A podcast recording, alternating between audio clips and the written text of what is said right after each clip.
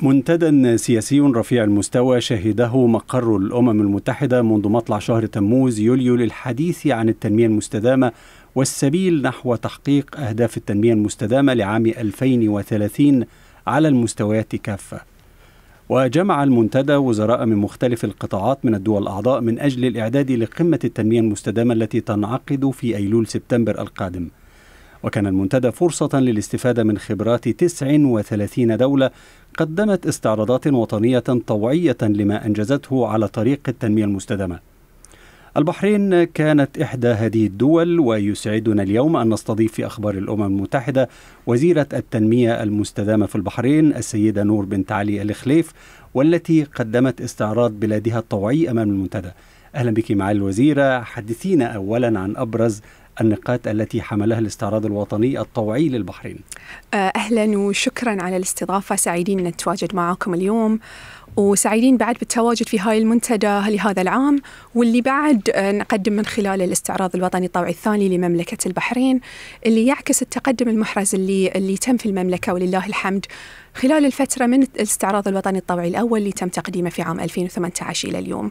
طبعا في الكثير من من الإنجازات والتحديات والفرص والخطط اللي موجودة في المملكة بس حبينا أن الاستعراض خاصة خلال العرض اللي تم تقديمه بالأمس أن نركز على شنو نركز على الثيم أو الموضوع المنتدى لهذا العام وهو تسريع التعافي من جائحة فيروس كورونا وتسريع كذلك الوصول إلى تحقيق الأهداف بحلول عام 2030 فهاي الموضوعين الله يسلمك اللي ركزنا عليهم في في الاستعراض لهذا العام. نعم. طيب على ذكر موضوع الجائحة يعني ذكرت معالي الوزيرة في كلمتك أمام المنتدى السياسي رفيع المستوى أن البحرين نجحت في تجاوز تداعيات الانتشار العالمي لجائحة فيروس كورونا بدون الإخلال بتسريع وتيرة تحقيق التنمية المستدامة. ما هي الإجراءات التي اتبعتموها في هذا الإطار؟ نعم، طبعا مملكة البحرين مثل كل الدول كان في تأثير لجائحة فيروس كورونا في المنطقة بس كان واضح من البداية أن تركيز المملكة في المرحلة الأولى هي على الجوانب الصحية، شلون أتأكد على أن أنا أحتوي الانتشار الفيروس؟ وطبعا كان يتماشى مع المبدأ اللي تتبعه الأمم المتحدة وهو عدم ترك أي أحد يتخلف عن الركب. فكانت المملكة وفرت جميع الاحتياجات الطبية من العلاج من ال الفاكسينيشن بعد إلى جميع المواطنين وجميع المقيمين في مملكة البحرين بدون استثناء وكان كله بالمجان. بعد ما تم وقف المراكز الصحية فتمت مفتوحة طول فترة الجائحة بدون توقف للخدمات الصحية. فكان هاي كلها تم تقديمها. هاي كانت طبعا من الجوانب الصحية اللي, اللي تم التزام فيها بالإضافة إلى طريقة ما تعاملت معها من ناحية إدارة العمليات. فوجود وجود إدارة متكاملة لمتابعة هاي العملية واتخاذ قرارات اللي تتماشى مع التغيرات المستمرة كان له دور كبير في المساهمة فيه. بس بعد كان ضروري من البداية النواحي الاقتصادية أن ما نهملها والنواحي الاجتماعية. وضمان أن ما تأثر المستوى المعيشي للمواطن خلال هاي الفترة. فتم من من حتى بداية الجائحة في مارس 2020 تم طرح الحزمة المالية والاقتصادية اللي تجاوزت قيمتها ال 4.5 مليار دينار بحريني على نهاية فترة الجائحة. واللي كانت اللي ضمنت استقرار سوق العمل ذاك الفترة. تم تقديم الدعم للمواطنين والمقيمين والشركات من ناحية الإعفاء من بعض الرسوم أو تأجيلها أو جست يعني توفير سيولة إضافية إلى الشركات اللي ممكن تأثير كان كان في تأثير للجائحه عليها إنها ممكن تقدم بطلبات إلى إلى هذه. فهاي من الجوانب اللي اللي تم التطرق لها في التقرير نعم. كذلك بالنسبة حق التعامل مع الجائحة. وعلى هذا الطريق بالتأكيد هناك بعض التحديات التي تواجهونها على طريق تحقيق تحقيق أهداف التنمية المستدامة يعني ما هي أبرز هذه التحديات؟ إيه الله يسلمك إحنا كنا كان ضروري بالنسبة لنا إن التقرير يكون تقرير موضوع موضوعي وإن نحدد شنو هي التحديات بالنسبة حق الأهداف التنمية المستدامة ونوضح بعد الطرق اللي المملكة قاعدة تتعامل فيها مع هذه التحديات حاليا. يمكن من أكبر الأمور اللي تحديات بالنسبة حق العالم كله هي مسألة التغيرات في المناخ، فمملكة البحرين في عام 2021 خلال مؤتمر كوب 26 صاحب السمو الملكي الأمير سلمان بن حمد آل خليفة ولي العهد رئيس مجلس الوزراء حفظه الله. أعلن عن التزام مملكة البحرين بالوصول إلى الحياد الصفري بحلول عام 2060 وعدد من ال ال ال ال يمكن الالتزام والقرارات اللي اللي صدرت منذ ذلك الحين. فهاي واحدة من طبعا تعتبر التحديات الكبيرة اللي موجودة. يمكن عندنا تحديات أخرى تتعلق بالاستدامة المالية. ومملكة البحرين أطلقت من سنوات برنامج التوازن المالي اللي يستهدف ضمان استدامة المالية الحكومية.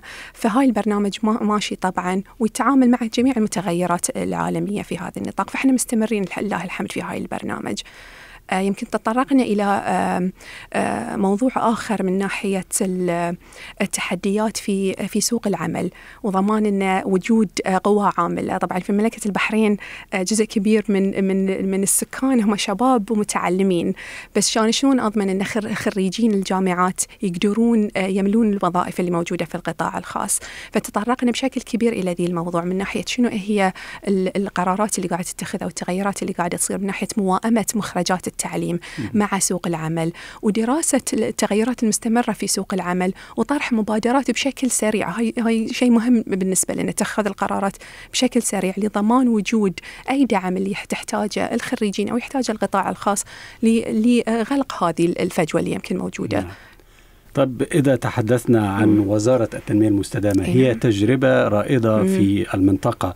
فإذا تحدثنا أولا عن الدور الذي تلعبه الوزارة، ثانيا عن الأولويات في المرحلة المقبلة بعد الإنجازات التي تحققت في المرحلة السابقة. نعم، طبعا يشرفنا آه، ويشرفني أنا شخصيا آه، آه، أن أكون وزيرة للتنمية المستدامة والقرار طبعا يعكس رؤى القيادة الحكيمة عندنا صاحب الجلالة الملك حمد بن عيسى الخليفة. الله يحفظه وطبعا صاحب السمو الملكي ولي العهد رئيس مجلس الوزراء. يعبر عن أو يعكس آه، مو بس التزام مملكة البحرين الالتزام معروف بس هو الالتزام بالتسريع آه، وتيرة العمل حاليا على الوصول إلى التنمية المستدامة. طبعا كوزارة لنا عمل كبير مع باقي الوزارات عشان نضمن إن في الشغل يكون متكامل وإن الأهداف التنمية المستدامة تكون واضحة. وطبعا الشغل ما ما بس نحصره في الجهات الحكومية ولكن بعد آه، لنا تعاون مع القطاع الخاص ولنا تعاون بعد مع مع المجتمع المدني. وهاي اللي حاولنا نعكسها من خلال حتى طريقة إعداد الاستعراض الوطني الطوعي اللي تمت من خلال عملية تشاورية كبيرة. طبعا هاي بالنسبة لنا بعد الاستعراض الوطني الطوعي كان جزء من عملية كبيرة قاعدة تقوم فيها الوزارة والحكومة ككل من ناحية مراجعة الأداء اللي تم. ووضع وضع الخطط يمكن أو موائمة الخطط الحالية والمستقبلية في مملكة البحرين مع إهداف التنمية المستدامة، تحديث المؤشرات جزء كبير من الشغل اللي تقوم فيه الوزارة. آه، بالنسبة حق يمكن الخطوات القادمة طبعا نطلع إلى قمة التنمية المستدامة في سبتمبر ونطلع إن نكون جزء من من من طبعا الحراك الدولي في هذا الشأن آه، ونطلع طبعا إلى التواجد هناك وان إن شاء الله بعد نأكد على التزام مملكة البحرين نعم. في تحقيق التنمية المستدامة. نعم وهذا يأخذني إلى سؤالي عن طبيعة التعاون بينكم وبين فريق الأمم المتحدة في البحرين. لصياغة الإطار الجديد للتعاون من أجل التنمية المستدامة في المرحلة المقبلة. طبعا تعاوننا مع الأمم المتحدة مو شيء جديد آه، وإحنا يمكن من أوائل الدول في المنطقة اللي وقعت آه، وقعت اتفاقية مع الأمم المتحدة اللي يكون لها تواجد في مملكة البحرين. وهاي طبعا الفريم ورك اللي موجود حاليا آه، ماشي وفي عدد من الخطط اللي قاعدين نعمل معاهم. بالنسبة حق وزارة التنمية المستدامة في شغل كبير قاعد يصير من ناحية مراجعة أداء المؤشرات التنمية المستدامة والعمل على وضع الآليات اللازمة لتحديثها. طبعا أكيد راح يكون في شغل كبير خلال المرحلة القادمة بعد لتحديد أو الإعداد لقمة التنمية المستدامة. فطبعا العمل معاهم مستمر ونقدر طبعا دائما الدعم اللي يقدمونه لنا. نشكرك شكرا جزيلا وزيرة التنمية المستدامة في البحرين السيدة نور بنت علي الخليف. شكرا جزيلا شكرا ما قصرت. تسلم شكرا.